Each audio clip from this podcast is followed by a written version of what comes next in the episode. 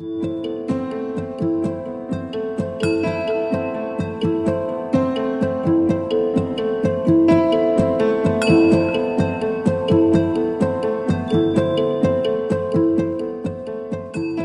til Akademisk kvarter, en podkast fra Cappelen Dam Akademisk. I dag skal vi utforske verdien av å stoppe opp gjennom et refleksivt lederskap, og jeg har vært så heldig å få med meg to kvinner fra Munch-museet. Så jeg tenkte at vi kunne begynne med å introdusere oss selv. Så jeg tenkte hvis vi kan begynne med dere. Skal vi begynne med deg, Gerd Lise? Hvis du kan fortelle litt om hvem du er og jobben din på Munch-museet. Jeg er avdelingsdirektør for formidling på Munch, og mitt ansvar er å lage gode møter for publikum. Gode kunstmøter og gode kunnskapsmøter. Jeg kom fra en bakgrunn som kritiker og kurator. Jeg eh, hadde jobba som det frilans i veldig mange år. Opplevde egentlig at jeg nådde ikke ut til publikum godt nok. Så det var min inngang til, til denne jobben, da. Spennende. Tusen takk. Vil du fortelle litt hvem du er, Birgitte? Ja, Birgitte Aga, så jeg er da leder for forskning, utvikling og innovasjon på Munch. Og jeg vil jo egentlig si at min eh, rolle består av å fasilitere relasjoner. Vil prøve å skape rom for innovasjon og forskning på Munch, og det er jo først og fremst å gi folk tid og til å bli hørt, til å tenke, til å skape nye ideer. Og jeg kommer da, har vært eh, nesten 25 år i England, hvor jeg har jobbet i skjæringspunktet mellom eh, nye teknologier, kunst og forskning. Så det er veldig spennende nå å være på Munch, hvor vi er i relasjon med mennesker hele dagen, hver dag. Mm. Og dere driver nybrottsarbeid, vil jeg si. Sant? Både med måten å tenke formidling på, og måten å tenke innovasjon på. Så da syns jeg det var spennende å diskutere denne boken som jeg har skrevet, som heter eh, 'Refleksivt lederskap på tide å stoppe opp'. Og jeg kan jo fortelle kort hvem jeg er. Jeg heter Åshild Mongstad. Jobber på Høgskolen Kristiania som høyskolelektor der. Har en litt sånn utradisjonell bakgrunn med å være sykepleier, men jeg var ikke så veldig god på det, så jeg sluttet veldig fort. Men jeg jobbet i akuttpsykiatrien mens jeg tok sosialantropologi her på Universitetet i Oslo. Jobbet da med forskningsformidling gjennom NTNU tidligere, et firma som heter Mind, og jobbet med prosessledelse gjennom et firma som heter Lent, og så utenom det jobbet jeg som høyskolelektor. Du har skrevet en bok som du kaller for en trøstebok, eh, Åshild? ja. ja, eh, i introduksjonen så står det riktignok det at jeg har sagt at hver gang noen spør meg hva egentlig bok er det du skriver, det er skrevet så masse bøker om ledelse, trenger vi egentlig en bok til? Så har jeg sagt at jeg skal skrive en trøstebok for ledere. og det eh, har vært fordi jeg har jo jobbet med ledere i praksis som kommer inn på etter- og videreutdanning og tar leder, lederutdanning hos oss og studenter som lærer om hva fantastiske ledere skal være og alt de får til. Vi har alle disse Great Men Theory. Vi har masse eh, forestillinger om at alle ledere skal enten være Donald Nelson Mandela eller Obama. Og så kommer de inn og forteller at ja, vi får oppskrift. Hvis vi bare følger disse punktene, så blir vi helt fantastiske ledere. Og så er det jo ikke så enkelt. Så min opplevelse er at når jeg drar det litt ned og sier at vi er alle mennesker, så blir alle lederne veldig glade. Så tenkte jeg at eh, da hadde jeg lyst til å skrive en bok om menneskelig ledelse. Eh, og egentlig stille Refleksivt lederskap handler jo òg litt om å eh, stoppe opp og spørre hva er egentlig ledelse? Og er ledelse og ledere det samme? Kan vi gjøre ledelse uten å være ledere? Og må en leder være en mann? Må en leder se sånn og sånn ut? Må en kvinne som er leder bli Altså alle disse tingene prøver jeg at vil at vi skal stoppe opp og spørre, spørre oss om, da. Ja. Så skal vi bare fortsette? Ja. Eh, så det, som du sier, tittelen på boken er jo 'På tide å stoppe opp'. Og det er kjempeinteressant i den tidsklemmen som vi finner oss selv inn, mellom løpende mellom fysiske og digitale møter. Hvordan tenker du en sånn tilnærming til refleksjon og det å skape rom og plass til å reflektere kan innvirke spesielt på innovasjon i en organisasjon, men også bare relasjonene på en arbeidsplass? Mm, to store spørsmål. Refleksjon i forhold til innovasjon og til personene på arbeidsplassen. Tenker at det først, og det gjør jeg òg i boken, skiller mellom begrepet refleksjon og refleksivitet. For refleksjon det er jo den enkle måten å stoppe opp i hverdagen og spørre hvordan var dette møtet, hva var det som var bra, hva kan vi gjøre f.eks. mer av for å skape sånne gode møter, og dersom noe ikke fungerer, hva kan vi gjøre for å unngå dette neste gang? Sånn enkle stopp i hverdagen. Men refleksivitet, det handler om å gå bak Stoppe opp og egentlig gå bak refleksjonen og spørre hvorfor tenker vi at vi må ha dette møtet? Er dette møtet nødvendig? Hvorfor har vi alltid møte hver mandag? Og, og, hvorfor gjør vi ting på denne måten? Altså rett og slett se, når vi går i automatiske mønstre, at vi på en måte klarer å gå litt ut av de. For vi vet hjernen den er så vanedyr, så den vil gjøre ting på samme måte. Og da hvis jeg kan svare på det første spørsmålet først, med innovasjon, så tror jeg ofte i innovasjonsprosesser at vi er så flinke, og det er jo en antakelse jeg har, da, eh, at vi bare skal finne løsningen fort. Men jeg tror kanskje at hvis vi er refleksive, så tror jeg vi kanskje klarer oss å stille litt andre spørsmål, og kanskje se er det egentlig dette vi skal finne ut av? Er det andre måter vi kan spørre om dette på? Hva handler dette egentlig om? Min erfaring, i hvert fall hvis jeg får ledere til å stoppe opp, så plutselig er det de kommer med, ofte ikke et problem lenger.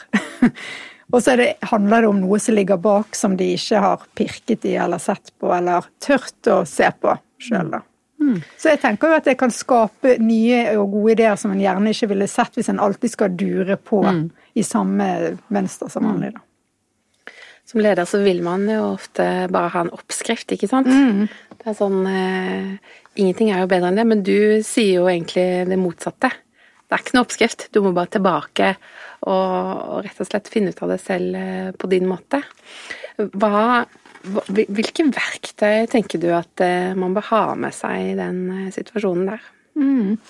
Ja, og det, jeg stiller jo på en måte krav. Jeg sier at det er litt vanskelig, det å lede. Sant? Det å ta seg tid til å stoppe opp.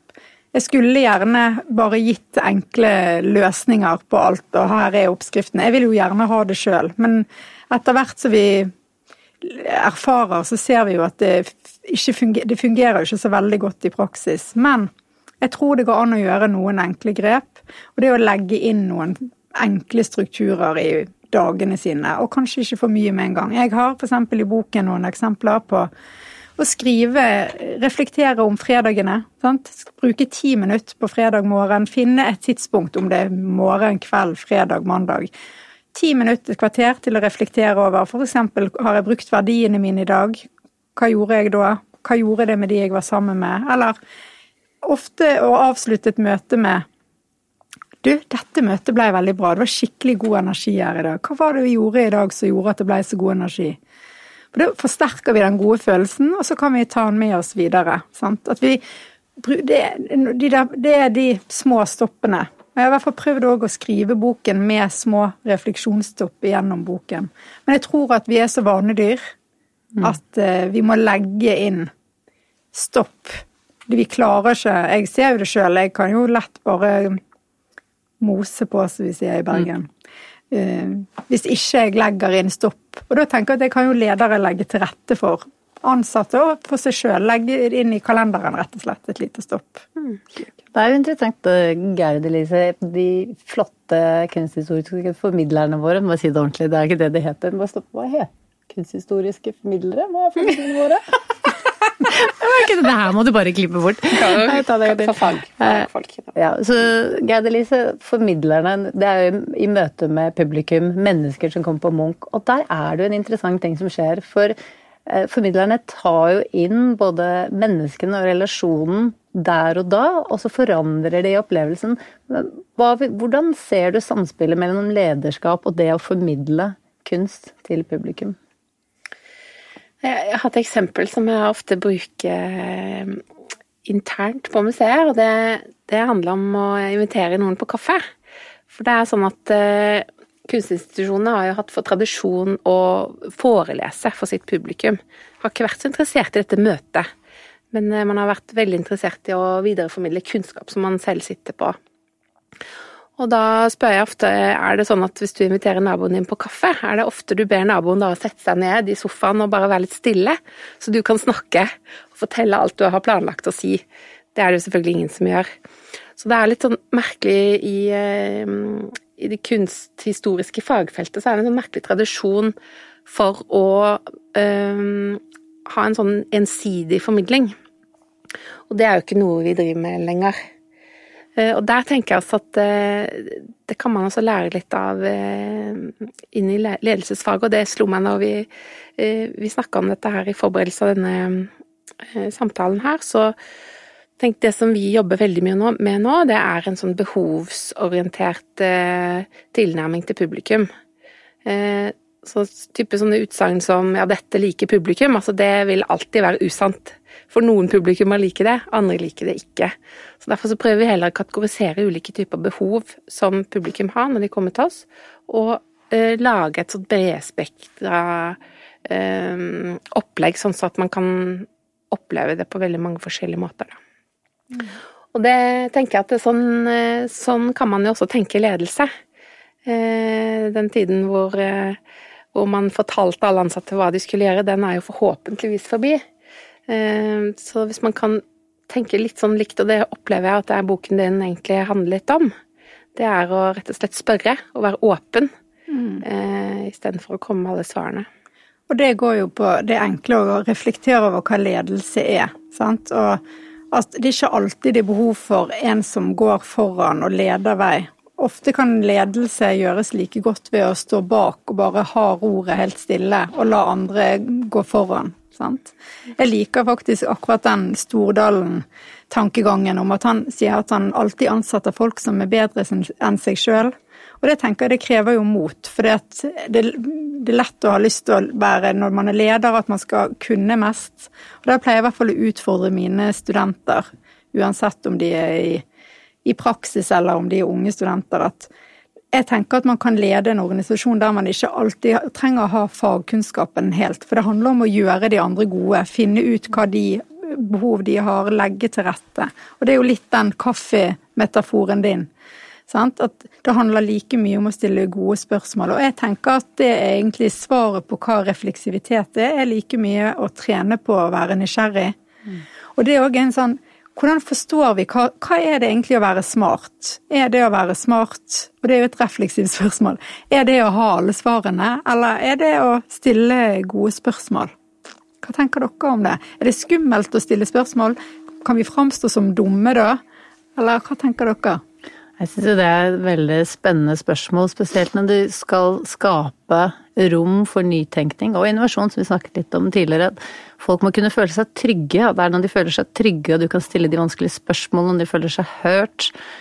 Eh, så det er utrolig viktig å få til, men det er ikke nødvendigvis lett å få til. Jeg tror vi sitter ganske rigid, ikke nødvendigvis på Munch, det tenker jeg vi er ganske nytenkte, men generelt sitter inne ganske etablerte strukturer, både mentale og konkrete innenfor både lederskap og det å være ansatt. Så jeg tenker det er utfordrende å få til, men eh, interessant.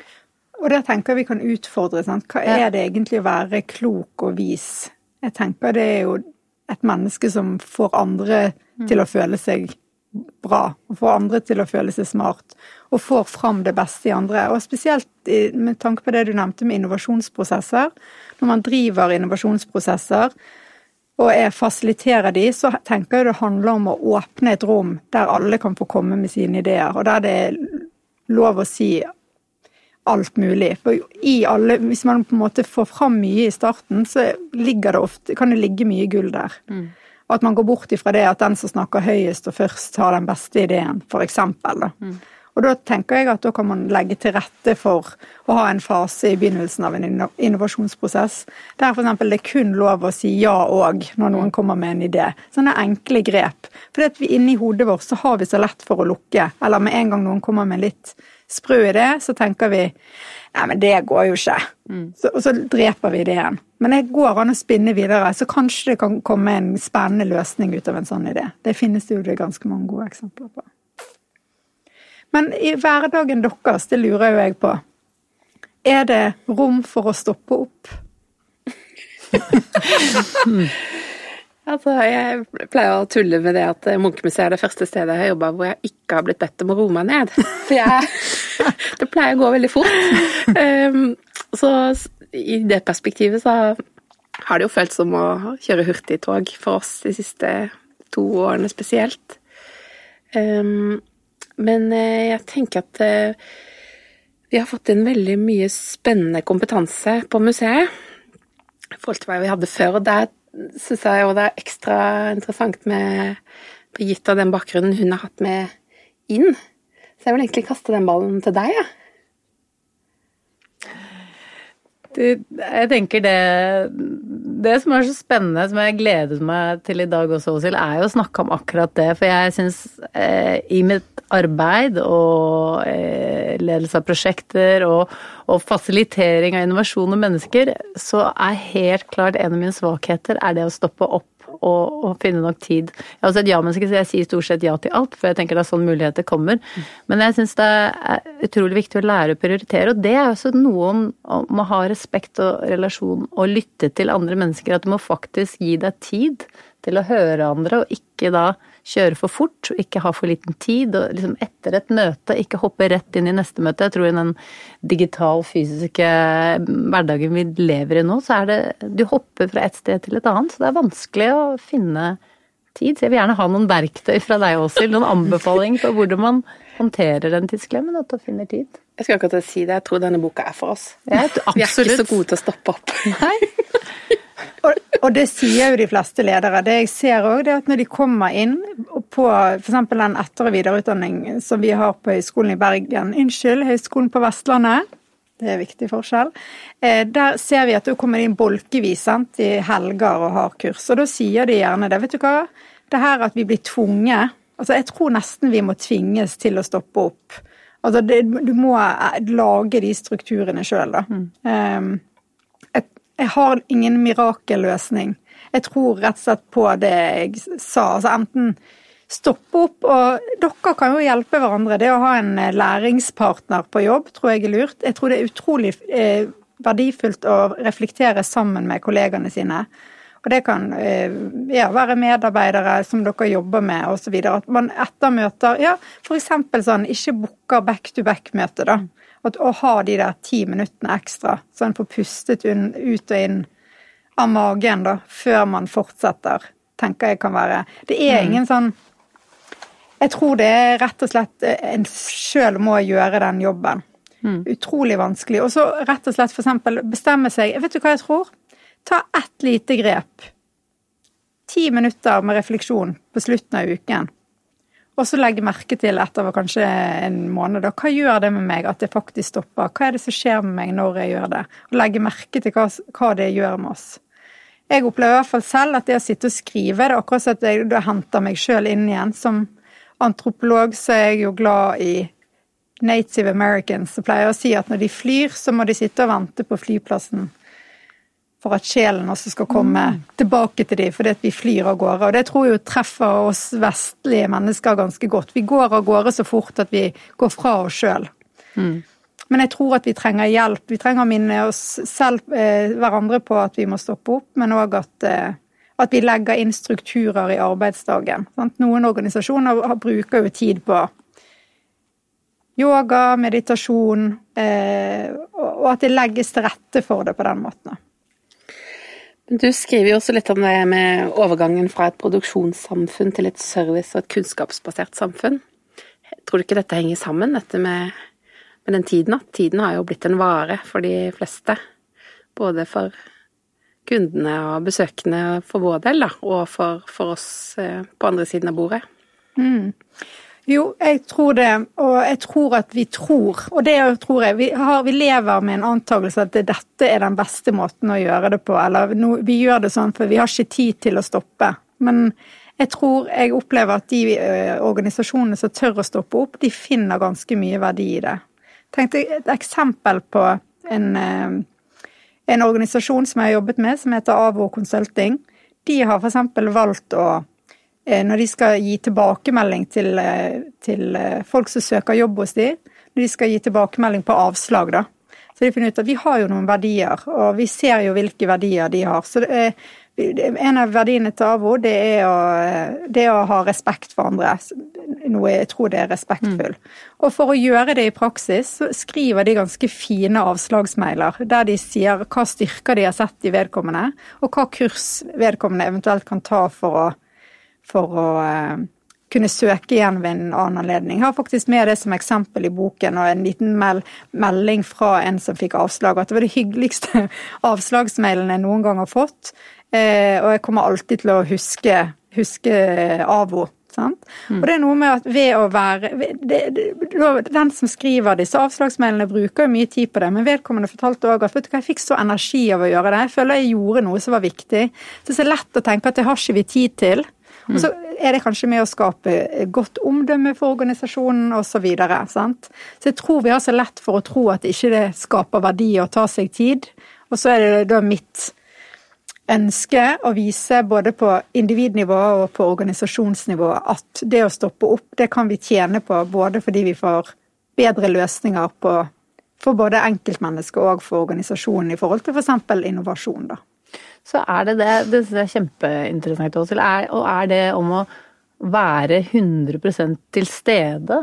Jeg tenker Det er helt klart en utfordring som eh, man har med alle de flere digitale flatene. Og det er også det å skape rom og tid. Men hvordan er man 100 eller 120% til stede da, i en samtale? Nå sitter vi her, vi har jo laptoper, telefoner, vi har møter, vi har andre forventninger av oss. Hvordan skaper man tid og rom til å være til stede? Og det, jeg tenker til begge. Hvordan skaper dere rom i arbeidshverdagen og livet da, til å være til stede? Jeg har blitt sånn TikTok-slave etter korona begynte. Og der er det en sånn som går igjen som, er, som heter sånn choose your hard. Altså alt er vanskelig. Mm. Det er vanskelig å være dårlig form eh, og være overvektig. Men det er også veldig vanskelig å trene mye å spise sunt. Og at man må liksom velge. Da har jeg fokusert veldig mye på det under nedstengningen, da, med å trene og prøve å spise sunt. Og tenke at jeg skal egentlig legge til dette her eh, på lista. Mm. At det handler litt om det samme, da. At det, du tenker at du egentlig ikke skal prioritere det fordi det er, det er for vanskelig. Mm. Men eh, det motsatte er jo egentlig ikke noe man ønsker seg. Sant. En eh, øvelse jeg eh, beskriver i boken, det er faktisk noe som kalles for morning pages. Det er en sånn, sånn kreativ skrivingøvelse, da, men som jeg har brukt veldig mye sjøl, og brukt mye med studentene mine. Det er at du, når du kommer på jobb om morgenen, at du bare sitter ned og skriver av deg. Du skriver to-tre sider bare. For du har så mye Det er så mye surr som går hele tiden, så du får egentlig ikke tilgang til de Det kalles ofte for apetankene, men hva er det som er under der, sant? Kan nesten se for deg den isfjellmetaforen. Mm. Så for å på en måte komme til seg sjøl, så kan vi skrive av oss. Og så tror jeg òg at det kan være løsningen for noe. Noen tre, altså, det tror jeg i hvert fall. Det er ingen riktig løsning for alle. Mm. Vi må, jeg tenker at vi må utforske selv mm. hvordan vi kan klare å være så godt til stede som vi klarer. Og så syns jeg òg det er litt deilig å ikke Jeg orker ikke å prøve å være til stede hele tiden òg. Tenker vi må gi oss selv litt slekk vi mm. lever i den tiden vi lever i.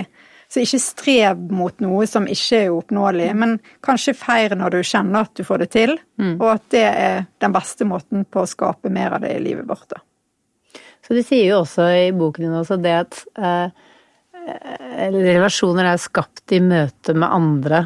Jeg synes Det er så fint å prøve å holde på. Det var litt den casen som du viste til fra AVO også, det å ta seg tid å svare på en måte, eller å ha hørt noen, eller Og det, det har utrolig stor innvirkning hvis du virkelig hører noen og gir, tar deg tid og gir dem tilbakemelding. Um, hva tenker dere om det? Det var jo litt som, som jeg tenkte på når du fortalte om Gerde Lise før vi skulle uh, ha denne samtalen her i dag. Så hadde jo ikke vi møttes før. Og så får jeg et bilde av deg gjennom din historie om hvem Gerde Lise er. Så når vi da møtes, så har jeg allerede et bilde av deg. Så du har vært med å skape hvem Gerd Elise er. Og det gjør noe med meg i møte med deg, sant. Og så gjør vi jo når vi snakker om AVO, når vi snakker om Munch-museet, vi snakker om Høgskolen Kristiania, hvem vi snakker om da, så skaper vi et bilde. Så vi har ganske mye makt, mm. hver enkelt av oss, hvordan vi både snakker om oss sjøl. Når jeg skal fortelle her hvem jeg er, så forteller jo jeg, kan jeg fortelle forskjellige ting. Sant? Mm. Men det, det jeg forteller, det gjør noe om hva inntrykk folk får av hvem jeg er. Og sånn gjør vi jo både om, om alt, da. Så jeg jo, skriver en god del i boken om to-tre kapitler om språk og konstruksjon. Hvordan vi sosialt konstruerer virkeligheten gjennom språket vårt. Jeg syns det er veldig spennende. Fordi det betyr at jeg har et mulig, jeg har et rom der jeg skaper påvirkning i mitt liv. Det betyr ikke at jeg bestemmer hvordan livet mitt blir, men jeg kan være med og nudge det i en viss retning. da. Ja, det, Lise, dette er veldig interessant egentlig, når vi tenker på Du kan kanskje si litt mer om hvordan vi bruker mennesker til å møte vårt publikum istedenfor skilt og piler. Eh, Og det er jo en menneskelig prosess vi skaper, og det har vi fått suveren tilbakemelding på. Skal du si noe mer om det? Ja, altså jeg tenker at det, det får også være et sted hvor folk har lyst til å komme tilbake. Det er jo det viktigste. Og det handler jo også om å gjøre det som skal til for at folk skal føle seg vel når de kommer. Og jeg er veldig glad for at vi har fått den tilbakemeldingen om at vertskapet på Munch er noe folk husker veldig godt. Nå er det sånn, Vi har jo skilt også, men jeg vet ikke hvor mange som leser de skiltene. Men, men det å møte et annet menneske og sånn, si velkommen og Der kan vi jo helt sikkert også bli flinkere. Vi har fått suveren tilbakemelding. Ja. Folk føler seg så ivaretatt. Og de er møtt ved alle innganger og etasjer av mennesker som sier hei til de og prater til det. Så det har vi fått sånn suveren tilbakemelding på alle brukerundersøkelsene våre. At de føler seg så hørt og sett. Er mennesker Ja, det- som møter det. veldig hyggelig. Da. Jeg tenker at det har også med Vi hadde veldig fokus på det før vi åpna. Vi hadde et veldig bra vertskapsprogram som, som, hvor vi ble trent i hvordan man skulle møte publikum, og hvordan alle kan bidra til at det blir en god opplevelse. Og det er jo et eksempel på god ledelse, og jeg tenker at det er en fin avslutning òg. Fordi litt det du nevnte i sted, Gerd Lise, med at vi har gått fra å være et produksjonssamfunn til et kunnskap- og servicesamfunn. Da handler det om at før så solgte vi produkter, men nå er det mennesker i alle ledd. Derfor vil det å være leder i dag være annerledes enn før. Og selv om vi er blitt mye mer digitale, så tror jeg vi trenger relasjonskunnskap og ikke minst relasjonsforståelse og menneskeforståelse. Når vi forstår hvordan vi påvirker hverandre, så blir vi kanskje mer raus og ydmyk i møte med hverandre, fordi vi skjønner at vi virker sånn på hverandre. Og jeg tror jo at det er verdien av å være refleksiv. Det er å forstå at vet du hva, jeg påvirker deg når vi møtes, og du virker på meg. Og, og det er sånn vi skaper en organisasjon. Munch, det er de menneskene vi møter der nede. Og det er jo sånn, jeg er sånn, jeg går og kjøper kaffe der det er hyggeligst kaffevertskap. Sant? Altså, jeg går tilbake der jeg blir tatt vel imot.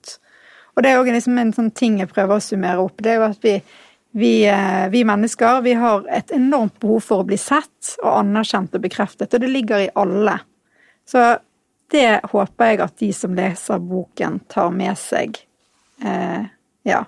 Så da vil jeg bare si tusen takk for at dere kom og var med. Tusen takk skal Tusen du ha. takk. Veldig spennende å både lese og prate mer med deg, Åshild. Takk for det. Dere har nå hørt en episode av Akademisk kvarter, en podkast av Cappelen Dam Akademisk.